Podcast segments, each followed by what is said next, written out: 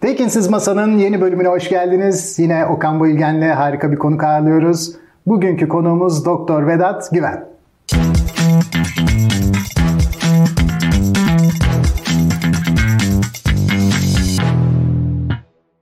Vedat hoş geldin. Nasılsın? Hoş bulduk. Teşekkürler. Teşekkür ederiz vallahi kabul ettiğin için. Zevkle Okan abi tabii böyle bana dedi ki en iyi ismi çağıralım. Evet, Vedat kesinlikle. Bu bu kitap nedense bende yok. Bu e, çok hoş görünüyor. Erkin Bey'i aldık daha önce programa. Size ama daha önceki programlara Denk gelmedik. hiç denk gelmedik, almadık ama almamız gerekiyordu. Şimdi aslında Vedat Bey bana biraz konuyu anlattı. Bir e, aptal anlatır gibi. E, ve iyi ki anlattı. Çünkü aslında onun bana yaklaşımı şuydu. Diyelim ki hiç blok zincir kripto para, e, bu işlerle merkeziyetçi, merkeziyetçi olmayan bunlar ne demek? Böyle anlatıldığı zaman e, görüyorum ki e, işte abi biz şundan şu kadar adet alırsak e, şu kadar sürede ne kadar kar ederiz filan gibi bu işi böyle bir hani bir koydum üç aldım falan meselesine bırakmadan aslında bu bize e, sosyal olarak felsefik olarak iyi yönde değiştirebilir umudu doğurabilir mi? Buyursunlar efendim. Üstad çok güzel giriş yaptın. Ee, çünkü konuya sadece para bazında bakmak ki kumar gibi bakmak yani iceberg'in görünen yüzü bile değil. Onun böyle tepesi ufacık bir nokta yani yani milyonda biri yazık günah bu teknolojinin böyle bir sadece 3'e aldım 5'e sattım diyerekten olması. Toplumların ayakta kalması için tabii ki bir sürü faktör var ama önemli faktörlerden teki de kayıt müessesesi. Yani bu biz hangi okuldan mezun, kaç çocuğumuz var, bu evin sahibine, banka ne kadar paramız var, şirketlerin borç alacakları, nereden ne kadar satış yaptı, fatura gibi her şey kaydediyor. Toplum böyle yoksa başka türlü ayakta kalamaz. Bu kayıtların tutulduğu merkezler var. Bu merkezler bu verileri tutan, saklayan, güvenliğini sağlayan, depolayan, lazım olduğu zaman da veren yerler. Bunlara bağımlı olmanın sıkıntıları yaşıyoruz şu an dünyada. Dünyada yaşanan o gelir dağılım bozukluğundan tutun da corruption, yozlaşmaya kadar en önemli sebep şahsi görüşüm merkezi yapıların ortada olması, verileri toplaması, kendi çıkarı doğrusunu kullanması, algı yönetimi yapması ve bunları saptırabilmesi. Şimdi bunun çözümü merkeziyetsizlik ile mümkün. Kesin demiyorum. Ama eğer merkeziyetsizliği sağlamadığımız takdirde bundan bir kurtuluş yok. Buradan da blok zincirin geçmişine geleceğiz doğal olarak. Yani bu da bir günde çıkmadı. Evet aslında bir günde hayatımıza girdi. 31 Ekim 2008 tarihinde Satoshi'nin yayınladığı 9 sayfalık muhteşem bir makaleyle devreye girdi de Satoshi bunu bir günde yazmadı. Bunun 20-30 yıl geçmişi var. Bu geçmişte nereden geldi, nereden çıktı diye baktığımız zaman gene verinin önemini görürüz burada. Mahremiyet endişeleri ortaya çıkıyor. Timothy May 1988'de güzel bir manifesto yayınlıyor. Kripto Anarşistin Manifestosu. Aynı komünizm manifestosu gibi başlıyor. Dünya görünmez bir el dolaşıyor. Kripto anarşi hayaleti.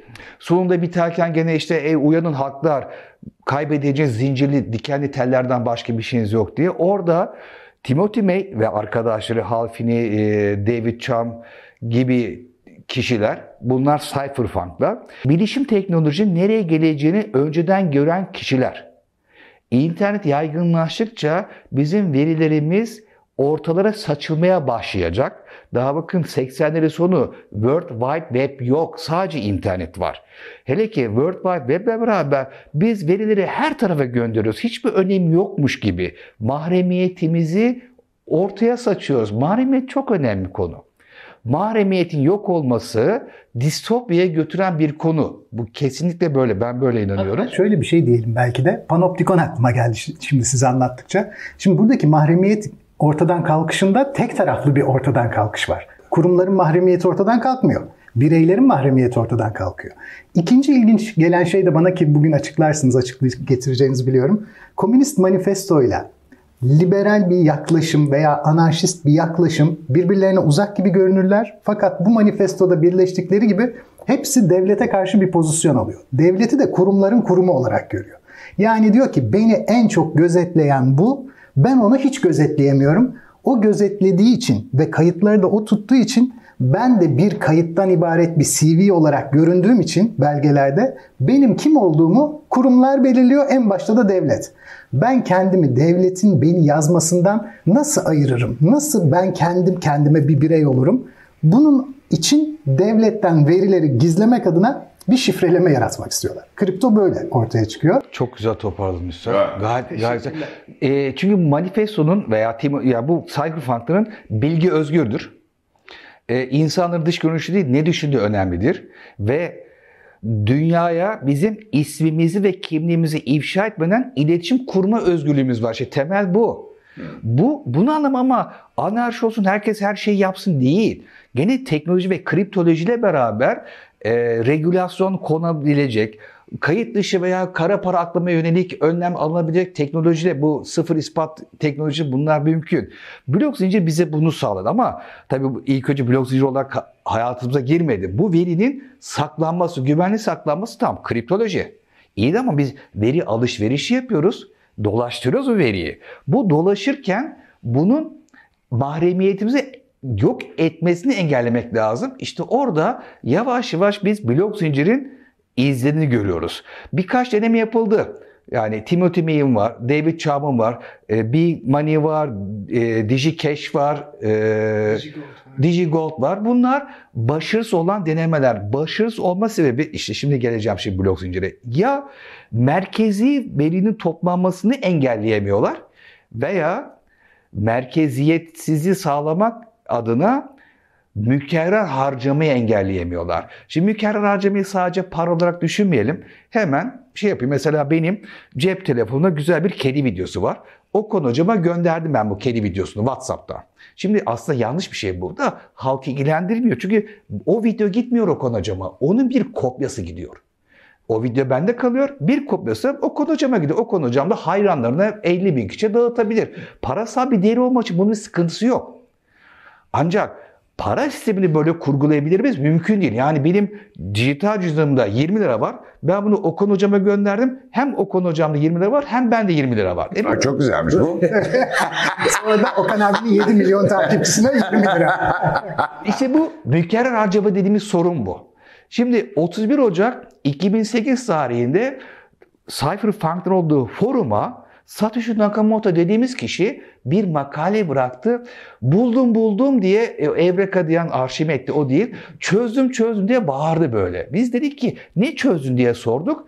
Yıllardan beri çözemediğimiz sorunu çözdüm ben dedi. Peki o neydi diye sorduk. Bir. Mükerrer harcama sorunu çözdüm. Ortadan aracı çıkardıktan sonra mükerrer harcama sorunu çözdüm. Abi çözemezsin ya yıllardan beri çözemiyoruz. Nasıl çözdün diye sorduk.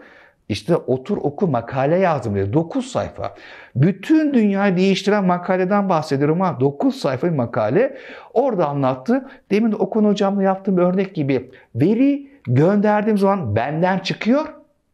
Karşı tarafa ulaşıyor. O zaman biz o veriye değer atfedebiliyoruz. Yoksa değeri olamazdı onun. Yani Bitcoin'in temeli böyle atılıyor. Ve o makale ile Bitcoin peer-to-peer elektron cash transfer. Yani uçun uça kişiden kişiye nakit ödeme istemi. Abi yok bu nakit değil dijital bir şey. E zaten elektronik diyoruz. Ama elektronikse nakit olamaz. Nakitse elektronik olamaz. Çok kafa karıştırıcı bir şey. İşte Satoshi Nakamoto bunu çözdü. Sanki nakit ödüyormuşum gibi dijital ortamda değer transferi yaptı. Bir şey daha burada noksan kalmasın. Satoshi Nakamoto neyi değiştirdi? O makale neyi değiştirdi? Ya dünyamızı değiştirdi derken bunu kastediyorum. Ta Medici ailesinden beri kullanmakta olduğumuz çift taraflı muhasebe sistemi var ya, borç ve alacak. Bu yapıyı değişiyor. O yapıda hesap var. Şimdi bizim banka hesabımız var. BTC Türk hesabımız var. Amazon.com'da hesabımız var. Her tarafta hesaplarımız var. Bu hesaplar bir merkezde duruyor. Bu dünyada hesap diye bir şey yok. Burada adresler var. Şimdi ortada merkez bir şey olduğu zaman mesela bir bankadaki hesabımdan ben Okan hocamın hesabını 300 lira mı göndereceğim? Abi girerim ben internet uygulamasına gönder derim. O banka merkezi kendi veri tabanında benim hesabım çizer 700 lira vardı 400 kaldı der. Okan hocamın hesabı veri tabanı bu ya. Orada 1200 lira yazıyor çizdi 1500 lira der. İşte para transferi yapıldı çok kolay aracı varsa. İşte aracı yoksa Ha bunu hesaplarla yapmak mümkün değil. Burası önemli çünkü bu kitaplarda yok. Bizim kitabımızda var da. Blok zincir dünyasında hesap diye bir şey yok. Yani senin hesabın var, benim hesabım var. Para benden sana geliyor. Konvansiyon yapıda var. Burada ise burada adres diye bir olay var. Burada 3 Bitcoin veya şu MAC Bilme veya Çeşme ev bu 3 Bitcoin burada duruyor. Belli bir adresi duruyor. Ne kadar duracak bu? Sonsuza kadar duracak. Bu üzerinde Vedat Güven yazıyor. Bunu her bakan Abi kim bakıyor bana buna? İlgili olan bakıyor canım.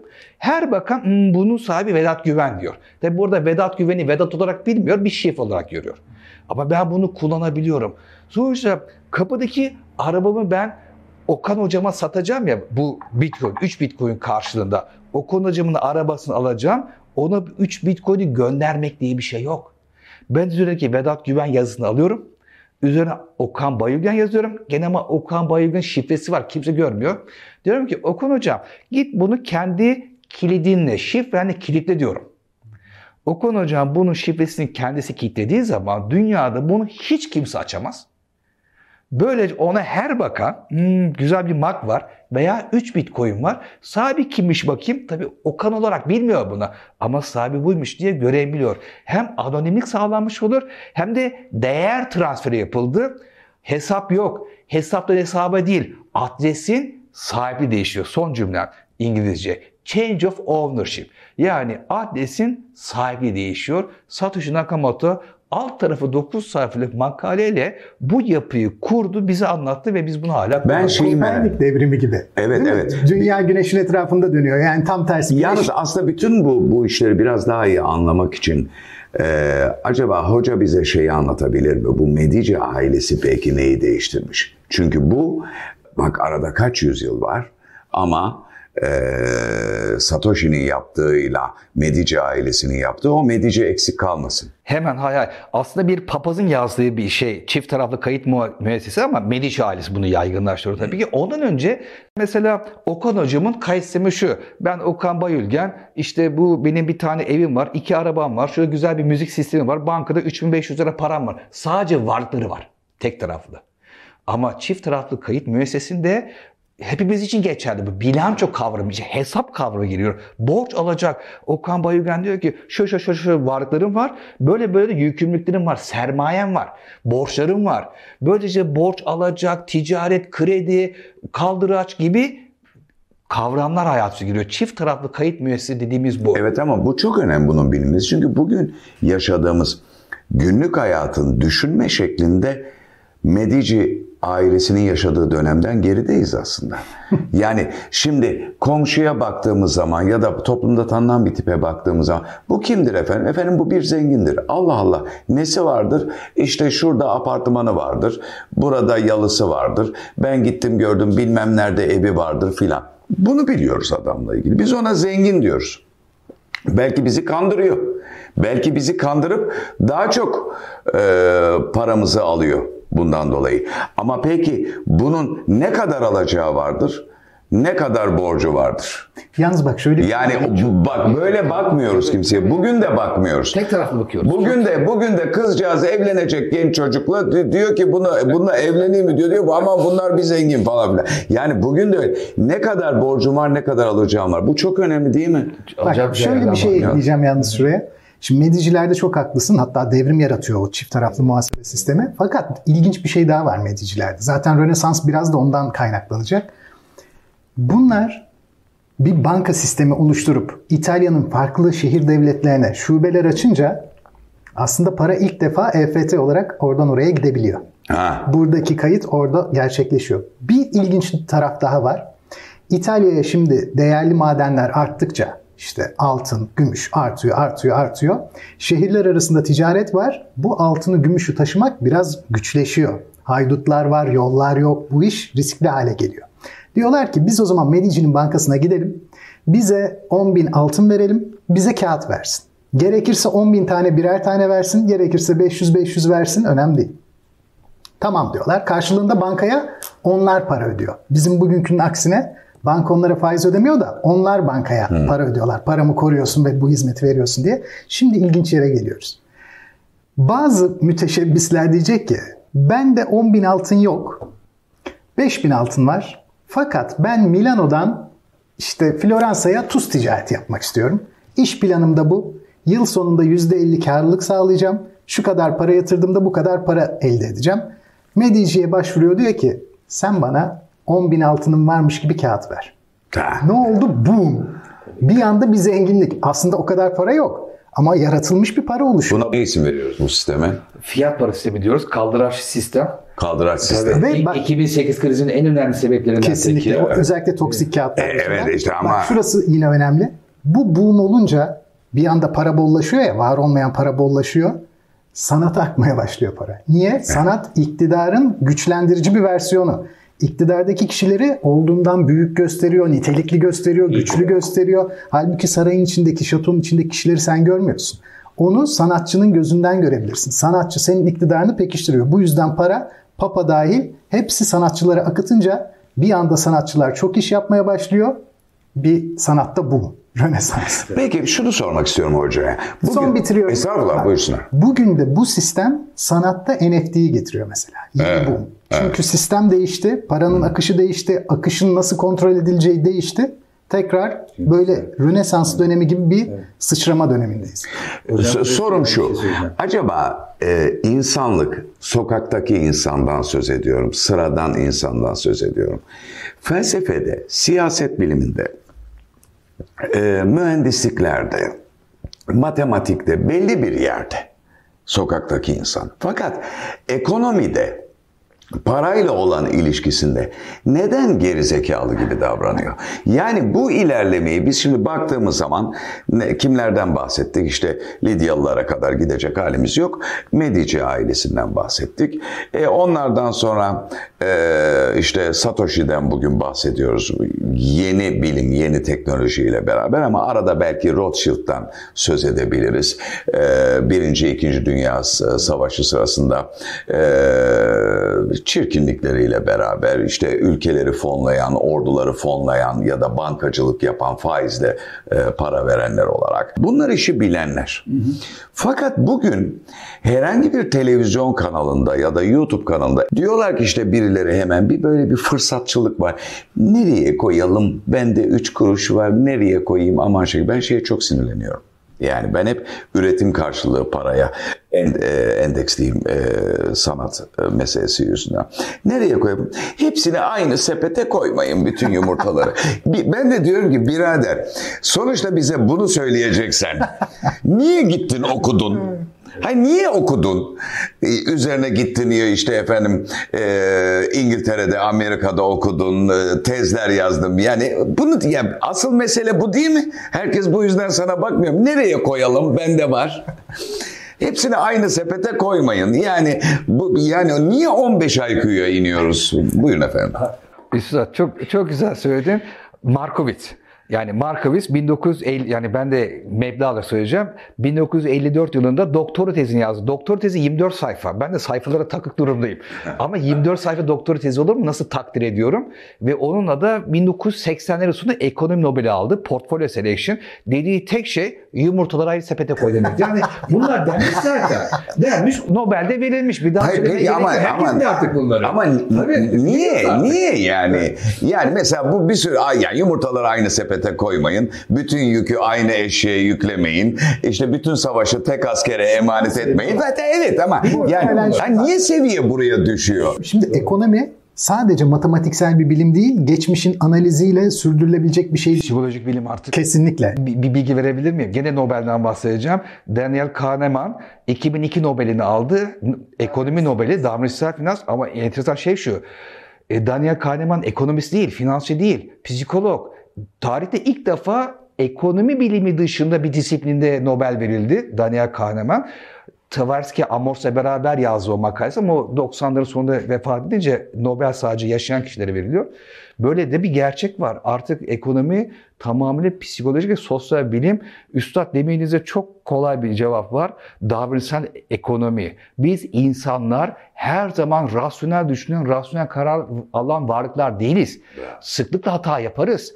Bu Bunu da incelen bilim dalı davranışsal finans gerçekten. Hatta Yani rasyonel konuşan ama duygusal düşünen e, ve aptalca davranan yani ne kadar e, uygarlık gelişirse gelişsin e, yani e, o yüzden de belki bu e, Satoshi meselesine e, baktığımızda yani işte üçü beşi ne kadar değer tabii ki orada bir getiri Satoshi'den çıkarak Bitcoin'le ilgili konuşulabilir ama asıl dünyayı nasıl değiştirmekte olduğunu şu anda anlatmak çok önemli. Tabii. Tekrar başa dönüyorum.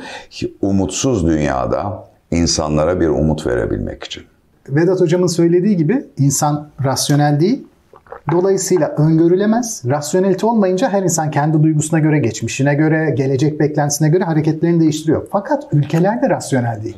Ülkeler de farklı pozisyon alıyorlar. Enstrümanlar da rasyonel değil. Çünkü sürekli yeni enstrüman çıkıyor. Öngörmek imkansızlaşıyor.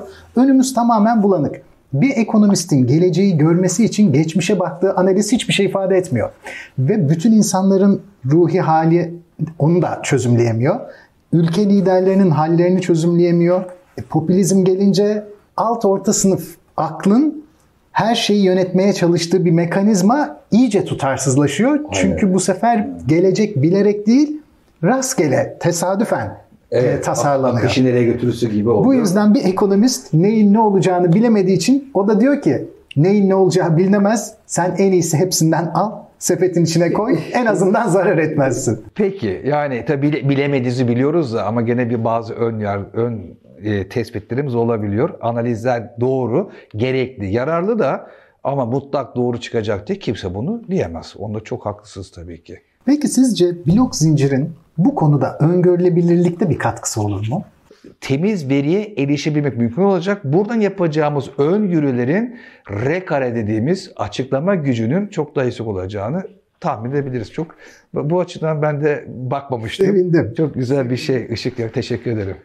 Kitapta John Nash'e ve e, Akıl Oyunları filmine bir bölüm ayrılması harikulade. Bu da aslında şunu gösteriyor. Yani para çoğaldıkça, para birilerinde çoğaldıkça hep sanata dönüşmek zorunda kalıyor. Çünkü satın alınacak bir şey kalmıyor. Daha doğrusu satın alınacak her şeyin fiyatı zenginin ödeyebileceğinin altında kalıyor. Dolayısıyla eğer bazı e, gerizekalı oligarklar gibi senin teknen e, kaç metre, benim teknem kaç metre falokrat, gerizekalı falokrat şeklinde tekne boyutlarını e, yarıştırmazsam aslında dünyada akıllı paranın gidebileceği yer sanat. Şunu düşünüyorum acaba neden bütün dünyada böyle bir e, seyirciyle bağlantı kuran sanata yatırım yapmıyorlar? Üstad şimdi tabii sizin dünyanız aman ha TRC TR satıyor durumda olmayayım da e bu dediğiniz konularda para kazandırmazsa popüler popüler olmazsa maalesef ona yatırım yapılmıyor film açısından. Ama sanat konusunda çok haklısınız. Çünkü çok üst seviye varlıklı aileler kendi servetlerini korumak için sanat yatırımı yaparlar. E, çünkü sanat yatırımı hem toplumun gelişmişliğini gösteriyor hem de gerçekten belli bir zenginlik seviyesinden sonra yatırım yapılacak yer sanat, gerçekten sanat. Rönesans'ın siz çok güzel demin e, bağladınız oraya. Burada NFT'lerin desteğiyle sanata akan paraya giriyoruz. Ama NFT deyince lütfen aklınıza böyle sıkılmış, sıkılmış maymunlar yat kulübü gibi, BAYC gibi böyle şeyler gelmesin. İçinde sanat olması lazım. Türkiye'den onlarca sanatçı var. Refik Anadolu, Tarık Tolunay, Murat Pak gibi sanatçılarımız var. Bunlar şimdilik e, emeklinin karşılığını alıyorlar. Ama buraya daha fazla kaynak akması sanatı besleyecek olan bir konu. Sanatçı kendi eserine sahip olabilecek. Çünkü NFT dijital varlığın tapusu, mülkiyeti ve bugün müzik yapan sanatçılar, tiyatro sanatçılarına kadar, ressamları, heykeltıraşa kadar ürettiklerinin telif haklarına sahip olamayışından şikayetçiler. Evet. NFT bu sorunu çözüyor. Bakın çözecek demiyorum. Çözdü ya. Bu sorun çözüyor. De var, Tabii yaygınlaşmasıyla beraber, hukukun da biraz bunu ayak uydurmasıyla beraber bu sorun çözüldü. Yakında çözülecek de Burada ama hukuk Tabii. eksikliği var değil var. mi? Yani hukuk okuyan çocuklar, şimdi hukuk okumak isteyen çocuklar aslında bu yöne girseler, NFT ile beraber telif meselesi ki telif daha çözülmüş değil. Bırak NFT telifi demiyorum yani telif meselesi. Müthiş bir gelecek var gençler için o konuda. Değil mi? Doğru. Çok güzel bir bölümdü yine. Doktor Vedat Güven'e çok teşekkürler. Umarım önümüzdeki bölümde yine bu kadar iyi bir konukla, bu kadar iyi bir program olur. Tekinsiz Masaya devam. Müzik